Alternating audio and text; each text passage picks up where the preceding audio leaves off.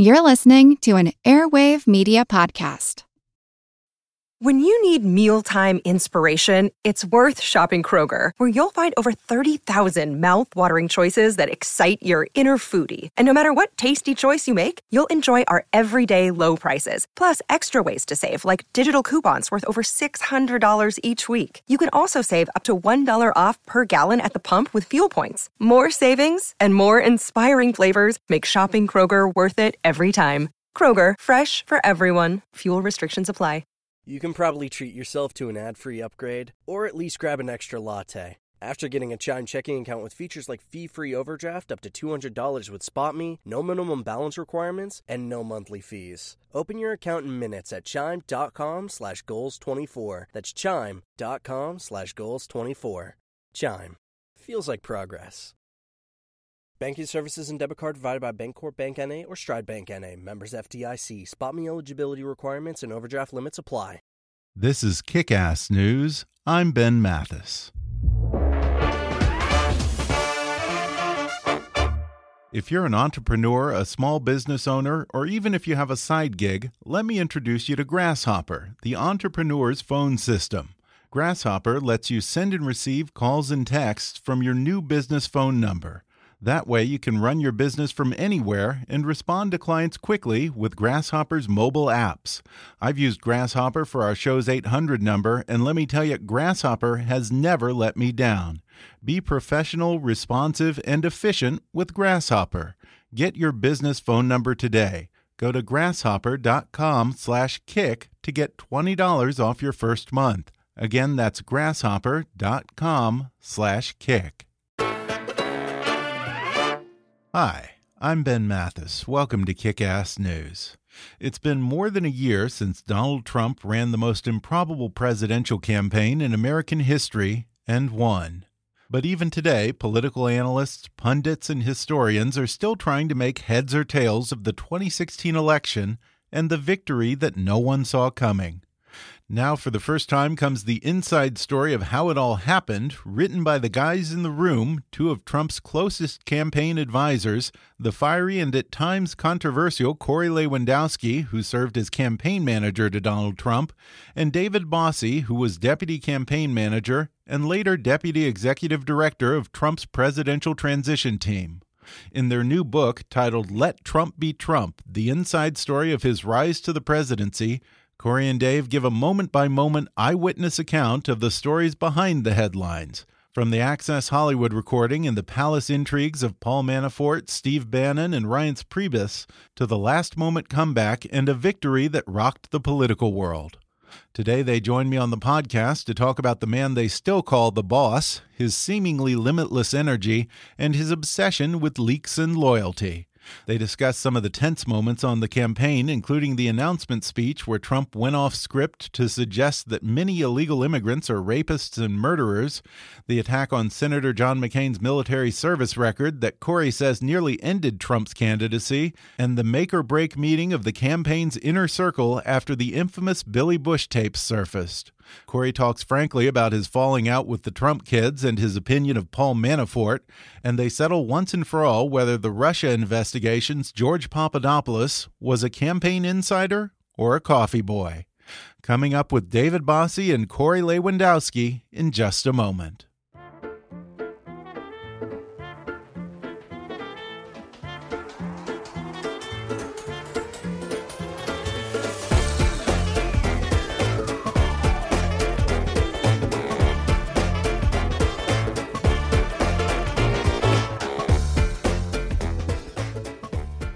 Corey Lewandowski worked for 18 months as the campaign manager on the 2016 presidential campaign of Donald Trump. He was brought on board by David Bossie, the deputy campaign manager, who later served as deputy executive director of the presidential transition team for Donald Trump.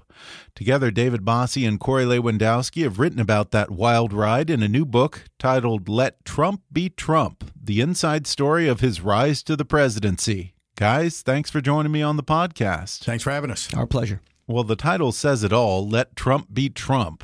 I think, Corey, you even kept that mantra up on a whiteboard in the campaign headquarters. How long did it take for you and Dave, both experienced political strategists, to reach the conclusion that Donald Trump was not the kind of candidate you could manage in the traditional way? When, when did you realize that you had to just let Trump be Trump, as you say? Well, we looked at uh, coming on board to the Trump campaign, understanding the success that Mr. Trump had already had in his life, whether as a real estate developer in New York, an author, or a television personality. I don't ever think that we thought it was our job to try and change him to make him into somebody he wasn't. So let Trump be Trump was the mantra of the campaign from very early on because he has achieved such remarkable success that if we let him be himself, we knew he could achieve that same type of success in the world of politics. I'd be interested to hear about your first meetings with Donald Trump. What was that interview process? Is it anything like The Apprentice? No, no, no, no. First of all, um, you know, I met um, I met Mr. Trump in 2010, uh, and uh, I introduced him to Corey in 2000 in, on April 12, 2014. So I'd known him for many years, um, and we got introduced by Steve Wynn, who is another friend of mine, and and Mr. Trump's. And we were, I was raising money for Children's Hospital. My son had had four brain surgeries and two open heart surgeries and was, uh, uh, I was raising money for Children's Hospital here in Washington, D.C., so other children and other families could have unbelievable health care like my son received. And so Steve Wynn was helping me, and he said, and, and, Mr. Trump purchased the uh, location where I was holding my my uh, uh, golf tournament. So Mr. Wynn introduced me to him and said, "Hey, you, you might he might help you with Children's Hospital," and that's what he did. He without any no politics involved, without any fanfare or press. I got to know Mr. Trump, and uh, he helped me with my Children's Hospital golf tournament for many years. I don't even play golf, but I do want to help raise money. And he is, uh, and, and so part of the book, Let Trump Be Trump, is the personal side, the warm and unbelievably generous side of Donald Trump, somebody that the American people don't get to see because the mainstream media just continues to attack him, assault him with fake news every minute of every day. So we have to uh, combat that. But it, it, that's how we. That's how I got to know. Uh, Donald Trump and and I when Mr. Trump asked me for a recommendation for a campaign manager, I had known Corey and I thought of Corey and I said, you know, this is a good match because Corey's personality and uh, professionalism is going to really be a great complement to Mr. Trump, and and and it seems to work out. And Corey, I think I recall you saying that in your meeting with Donald Trump, or the boss, as you call him, he asked you what kind of odds he had of actually winning the election. What did you give him? You know, I had the privilege of going to seek then Mr. Trump in early December, uh, I'm sorry, early January of 2015. And he asked me, What do you think the odds of me running and winning are? And I said, I think they're 5%. And he responded he thought they were 10%. And then we compromised at 7.5%. Because, you know, back in January of 2015, the political field was just being assembled, and it was some of the greatest Republican Party operatives and politicians that the country had to offer governors and senators and business executives and, and leaders from around the country and former uh, brothers of presidents. And so many, many people never thought that Donald Trump was truly going to run. And what he and I discussed that day in January of 2015 was what is the path to go forward? What are the three states that we need to compete in? And what we write about in the book is Iowa, New Hampshire, South Carolina. If we make it through those first three, that will be a good test of where people think you are because they're all very different. They're geographically different. They're electorally very different. And what we saw was uh, this candidate won 38 primaries and caucuses and got more votes than any candidate in the history of the Republican Party, including Eisenhower, who won World War II. Yeah, and once Trump cleared those three early primary states, it seems that there was just no slowing him down after that. But I want to rewind back a few months to the day that Donald Trump announced his candidacy after that memorable entrance down the escalators at Trump Tower. You say that you had written a more traditional announcement speech for Trump, which he approved and you shared with some of the press ahead of the formal announcement. But after he approved the speech, you say that was the last time Trump actually glanced at it. As would become his signature style, he ended up speaking off the cuff, most notably saying that Mexico is sending us their rapists and murderers. Was that line in the original speech as written, or was that all Donald Trump? So yeah, I mean, look, the, the difference with candidate Trump, and at the time I was still trying to fully understand. He has had his finger on the pulse of the American people for 30 years. But as a political op operative, I spent multiple days writing what I thought to be a good, succinct speech that was about seven minutes long that I was going to share with Mr. Trump that he could give for his remarks and that we would disseminate to the media. And he thanked me for my time writing that speech, put it in his pocket, and then went on his way to talk. And really, uh, what many people don't remember is when he made that speech on June 16th of 2015, there was no fanfare. There was no uproar over his speech. There was no chaos. The world did not come to an end. But what happened two days later was a madman walked into a church in South Carolina, opened fire, and killed a number of people. And Hillary Clinton turned around and blamed candidate Trump for that and it was one of the most disgusting things that happened in the campaign. And then the media uproar of what his speech was from days before. But the bottom line was there was a sick, deranged right. individual who walked into that church in South Carolina, and Hillary Clinton thought she was damaging Donald Trump by blaming him. But what happened was it only uh, increased his resolve and reminded the people of America that Donald Trump had nothing to do with that, and Hillary was trying to do this for political gain. And uh, then, as then and only then, did the mainstream media go back and start dissecting his speech word for word. And his premature demise as a candidate, right? Throughout the election, but somehow he seemed to be the candidate with nine lives. Another one of these early controversies that many in the media predicted would be the end of Trump was the speech when he disparaged Senator John McCain's service record in Vietnam. Corey, even you said you didn't feel good about that. At the time, did you think that he should have apologized for that remark? And did you think he was going to be able to survive that?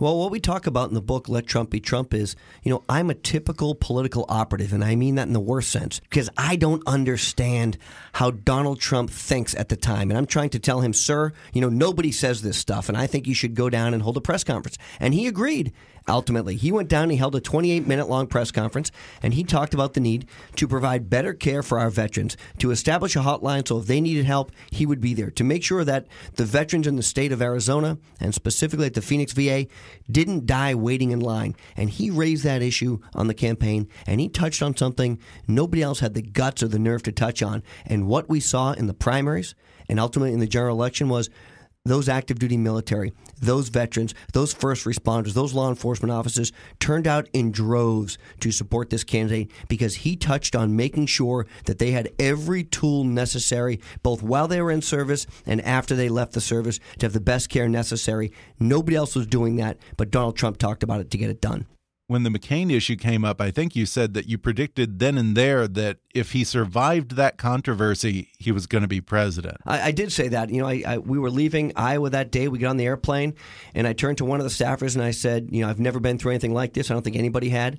And the campaign was still relatively new. The first 30 days, and we were just about to hit number one for the first time in the campaign and never look back. And I said, if Donald Trump survives this on Monday, and we're still in this race he will be the president of the United States. And uh, look, I think that was a little fortuitous, and I uh, there were a lot of lucky breaks, but.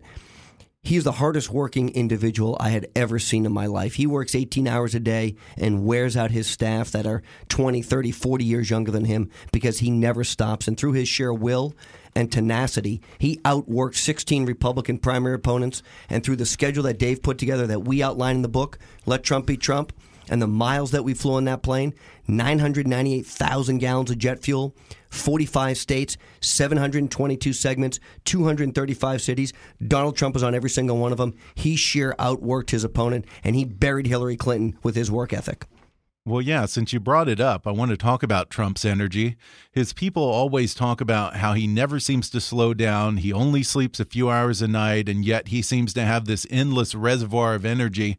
In all the times that you guys were working on the campaign, traveling with him on Trump Force One, hitting event after event, did you ever see him fall asleep or even seem to wear down a little? Not even for a second. You know, I'm a lot younger than him. Corey's even younger uh, than I am. And he would uh, drive us both into the ground, and, and, and staffers younger than us. So we were working as hard as we could, and we couldn't keep up with him. He was an amazing. Uh, his stamina was like nothing we'd ever seen. We did four, five, six events a day, every day, for weeks leading up to the election and he never stopped. And so we would we would uh, use all the time zones to our advantage to build a schedule. We would go uh, hip, uh, you know, hopscotch across the country, multiple different states, and he would give an hour long speech in each one of these because we tried to say to him, Mr. Trump, just give a shorter speech, give a shorter speech, give thirty minutes, and he said, you know, these people have been the American people who are supporting me and us have been waiting for hours and hours, some of them six and eight hours in snowstorms, in rain, in, in inclement weather of all sorts across the country.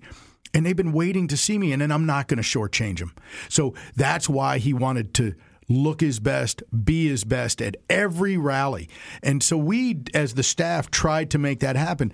And that's one of the reasons that, you know, the, the mainstream media tries to make a lot out of his, you know, the diet that we had on the plane.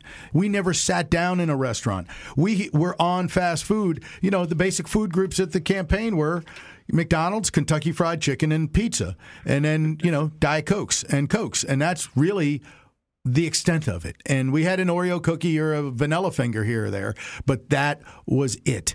And we never stopped. We always were on the move. And the only reasons we were able to do that is because of the staff, because mostly because of him and his leadership and his desire to outwork Hillary Clinton. I mean, I've been saying this. She couldn't fill a high school cafeteria and he was putting 10, 15, 20,000 people in an arena 5 times a day. We're going to take a quick break, and then I'll be back with more with David Bossie and Corey Lewandowski when we come back in just a moment.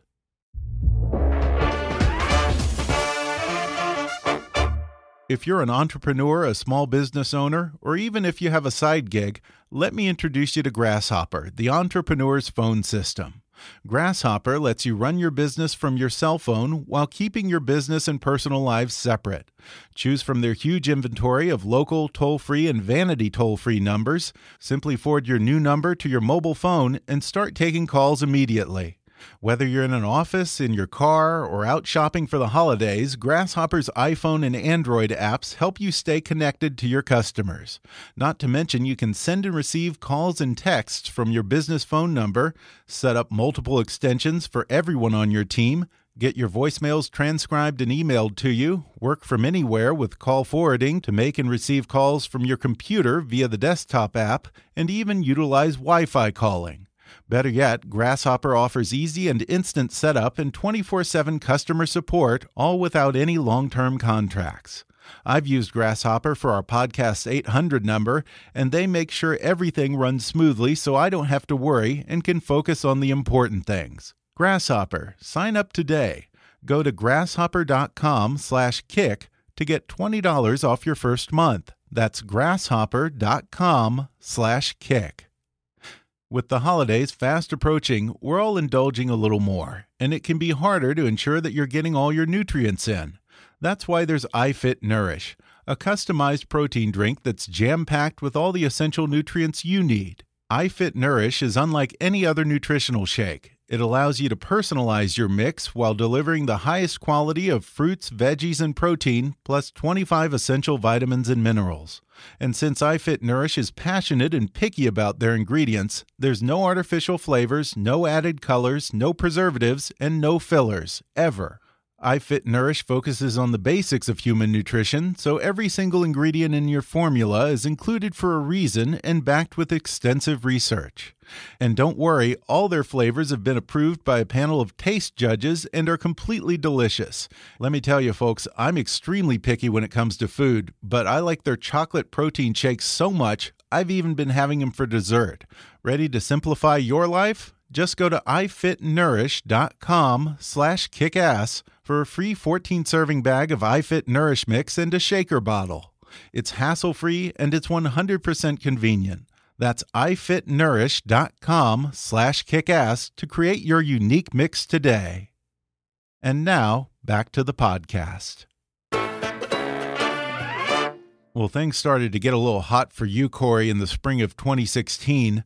You got some unwanted attention over the alleged grabbing incident with a reporter from Breitbart. There were rumblings that the Trump children weren't happy with you. And in the book, you say that you always felt that Trump never forgave you for his loss in Iowa. But you really saw the handwriting on the wall when Paul Manafort came on board the campaign. There's certainly no love lost between you and Mr. Manafort. So let me ask you, Corey based on everything you saw and heard within this campaign, what was Paul Manafort in this for? Why was he there? Look, I think Paul Manafort, if you go back and look, uh, the last time he was involved in a substantial campaign in the United States was 1976, uh, fairly long time ago. Nobody had seen or heard of Paul Manafort in the United States for the last 30 or 40 years and he was clearly trying to revive himself as a person who wanted to be more involved in the process and you know enrich himself. And i mean that in the worst possible sense because he wasn't here for altruistic reasons. He actually has a home in trump tower and we write about this. But for the first really 15 months that i'm running the campaign Paul Manafort not never so much as makes a phone call or stops by the office in the same building to volunteer his wisdom. And it isn't until basically candidate Trump is now all but the Republican nominee, where he decides to get himself involved. And, um, you know, there's a lot of animosity for a person who's supposed to be there for the candidate, and we find out it's really all about him. And at the time, was there any discussion or concerns within the campaign about his shady dealings in Ukraine? Well, look, I'd love to say that I had been briefed by the FBI or some other entity about Paul's past of stealing money and, you know, overseas accounts from other people, but I hadn't been. And I was at that time, it was a very, very small operation. In in March of 2015, I bet you the campaign, all in, including all the state staff, was no more than 40 people. And we were looking for help. And Dave kept telling me, Corey, you got to bring people in to help you. You got to bring pre, you have to bring people in to help you. And Paul's comparative advantage was that before the invention of the fax machine, he was involved in a contested Republican convention. It was Ronald Reagan versus um, Gerald Ford in 1976. And so the fact that there was a potentially a Republican contested convention because the way the delegates worked, we had to find the only guy still alive who'd ever done this, and he happened to be the only one still alive. And while we're on that, I also want to ask you about George Papadopoulos there's been some debate over how big his role was within the campaign. His fiance says he was intimately involved in every aspect of the campaign, while others say that he was a glorified coffee boy.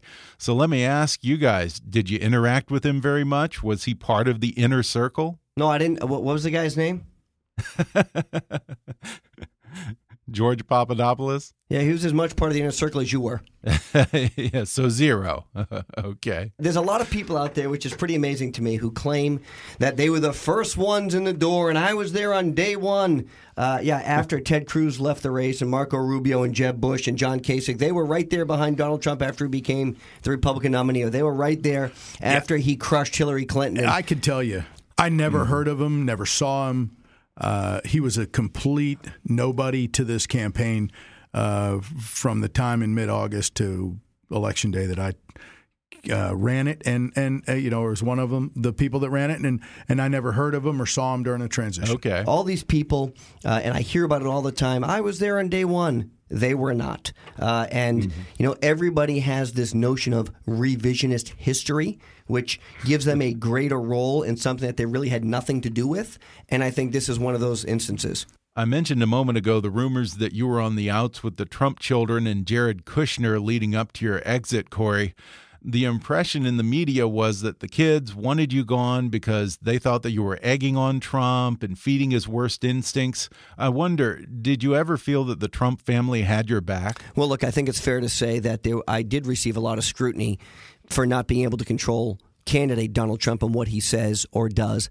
Um, with hindsight as 2020, I think it's now fair to say the American people have understood that Donald Trump is his own man and he's going to control what he says. It's not, never was, and should not be my job or anyone else's job to prevent Donald Trump from saying what he wants to say. And looking back on it, uh, I think that was a unfair assessment of my skill set. I shouldn't have been held to something that uh, was realistically unattainable, but that was a knock on me that I couldn't control him. And now what we see is nobody can or should control him. He's the president, and he's clearly done it his way. Let Trump be Trump has been a success. And how did you learn that you were let go from the campaign? I came in that Monday morning and found out I had a what we call the family meeting, which was the grown children and uh, son-in-law, Paul Manafort, Rick Gates, both under indictment. Myself and a few other people uh, came to the meeting, and uh, I was asked to step out and have a conversation. And Don Jr. told me that the campaign was going to go in a different direction. And look, I had been there when I helmed the campaign, winning 38 primaries and caucuses, and I wasn't really sure why, but they asked me to leave, and Paul was going to come on board. But let me just say, uh, from the time I left the campaign to the time that Paul was fired, it was eight weeks. The campaign went from a primary juggernaut, defeating 16 Republican opponents, to a dismal failure where he was probably down 20 or 25 points to Hillary Clinton. And the president, the candidate, understood he had to make a significant change, and he brought in Steve Bannon, Kellyanne Conway, and David Bossie to right the ship, to put it on the right track, and that is what helped propel him to victory in November against the Clinton campaign. And without those three individuals coming in, uh, I firmly believe if Paul Manafort would have stayed there, who, by the way, had never run a presidential campaign in his life, uh, Donald Trump would have lost that race because they wanted to, Paul Manafort and Rick Gates, both under indictment, wanted to make Donald Trump something that he wasn't. Well, guys, I have to ask about the Billy Bush tape. When that tape hit the news, Corey, you were already gone from the campaign working as a political commentator for CNN. But David, you were still on the campaign. You say that a lot of newcomers to the campaign, including Reince Priebus, almost immediately started running for the doors. But it all came to a head in this emergency meeting of the inner circle shortly after the tape emerged. Dave, you were in that meeting. What happened behind closed doors? Well, the Billy Bush uh, tape was dropped on us on a Friday late afternoon, early evening, uh, 48 hours before the second presidential debate in St. Louis. And we were in debate prep. There was a small team of us uh, Reince Priebus, Steve Bannon, Kellyanne Conway, myself, Rudy Giuliani, uh, Chris Christie, and uh, Reince Priebus. Um, and, and we, we had to figure out what to say and how to say it. And we put out a statement, and then we did the videotape that evening on Friday night late. But then on Saturday mid morning, we got together uh, in uh, in in the the president's residence at the top of Trump Tower. And it was a tough meeting. It was going to be the where are we going from here? And I was there, and the same people that I just discussed were there. And Reince, uh, Reince walked in and, and said, you know, you you know, I've been hearing last night and this morning. I've been hearing uh, from all of the geniuses in the Republican Party, all of the uh, leaders in both the House and the Senate, and uh, big donors from across the country, that you have two choices. You can either lose the big electoral, biggest electoral landslide in modern American history, or you can drop out and let Mike Pence be the nominee. That that's what he said.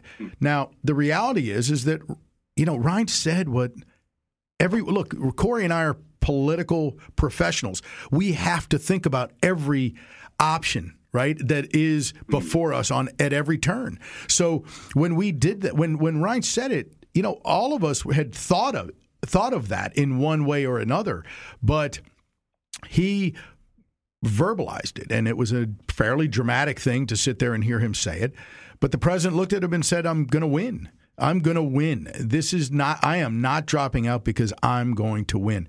And the real untold story is how Reince Priebus, from that moment on, uh, along with uh, the rest of our small team, put our shoulders to the to the grindstone, and Reince was able to get him ready, help him get ready. Nobody stepped on that debate stage but Donald Trump, but Reince really was the key leader for that second and then the third debate to help the president get ready. And it was a it was an amazing thing to be a part of. For sure but it was also a very different campaign at that point with a lot of new faces much higher stakes big money being spent.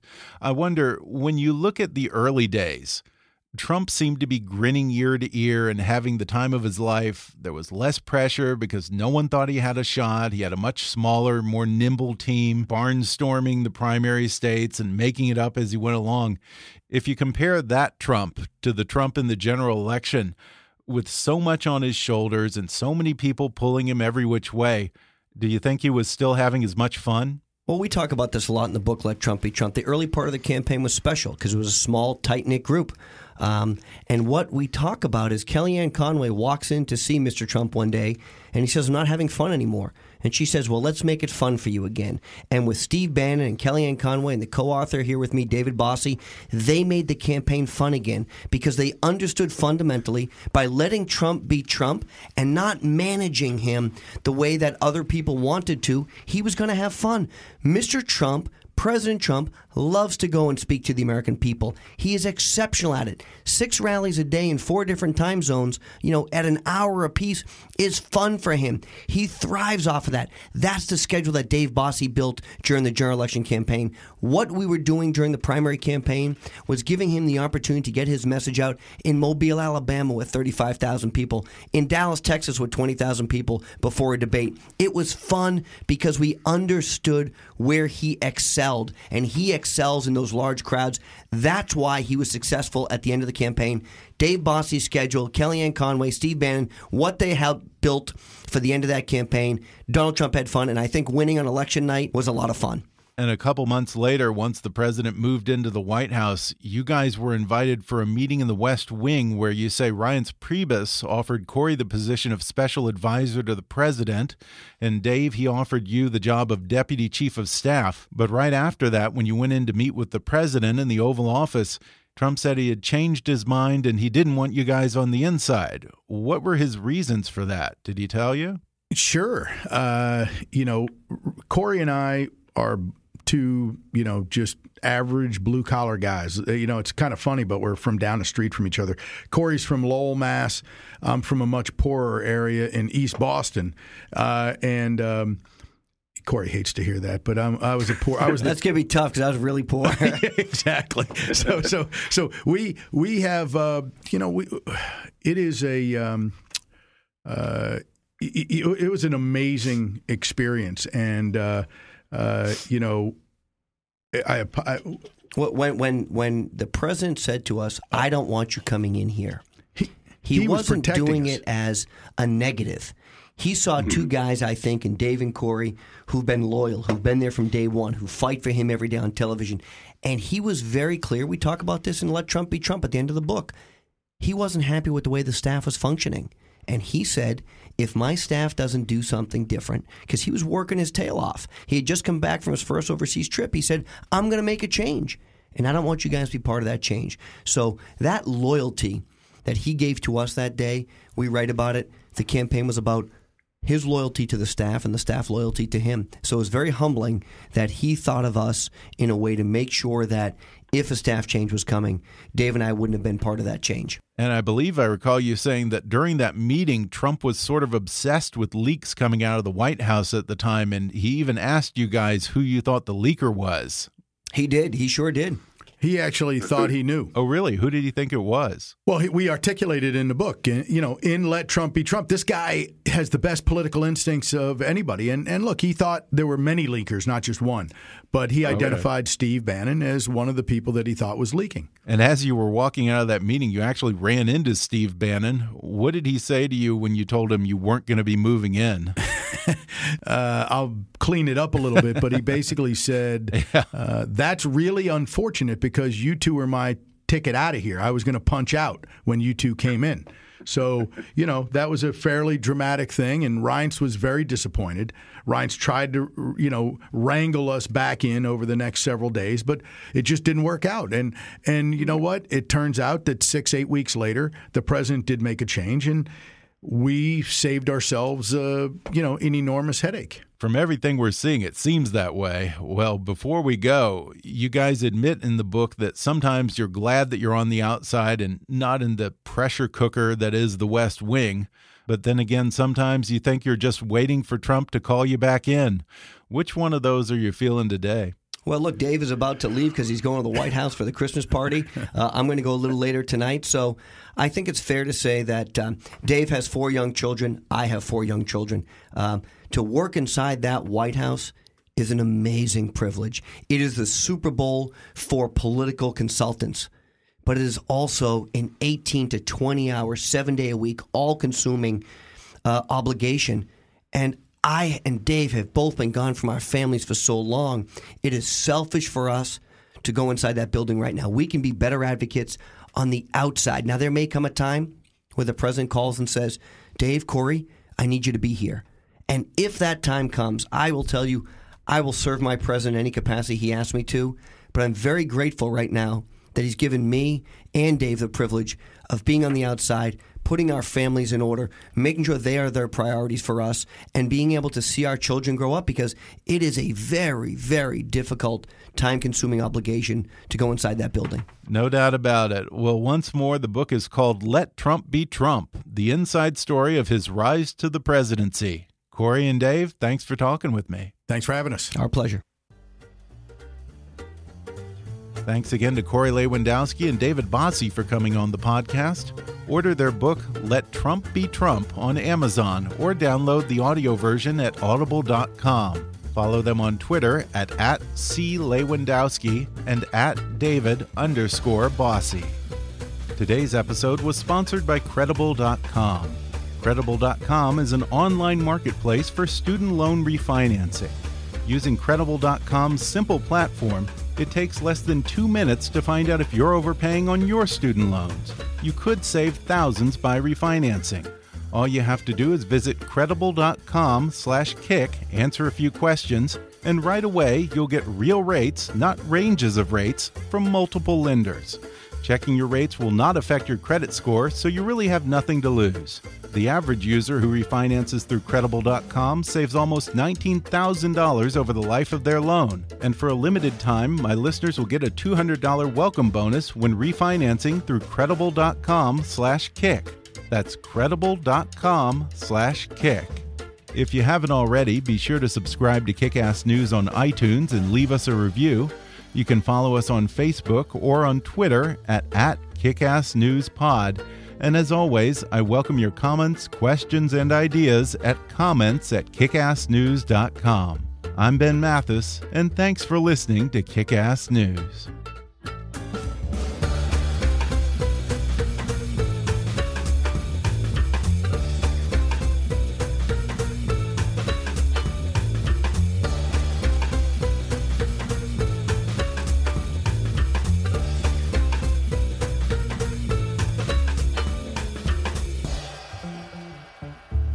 Kickass News is a trademark of Mathis Entertainment, Inc.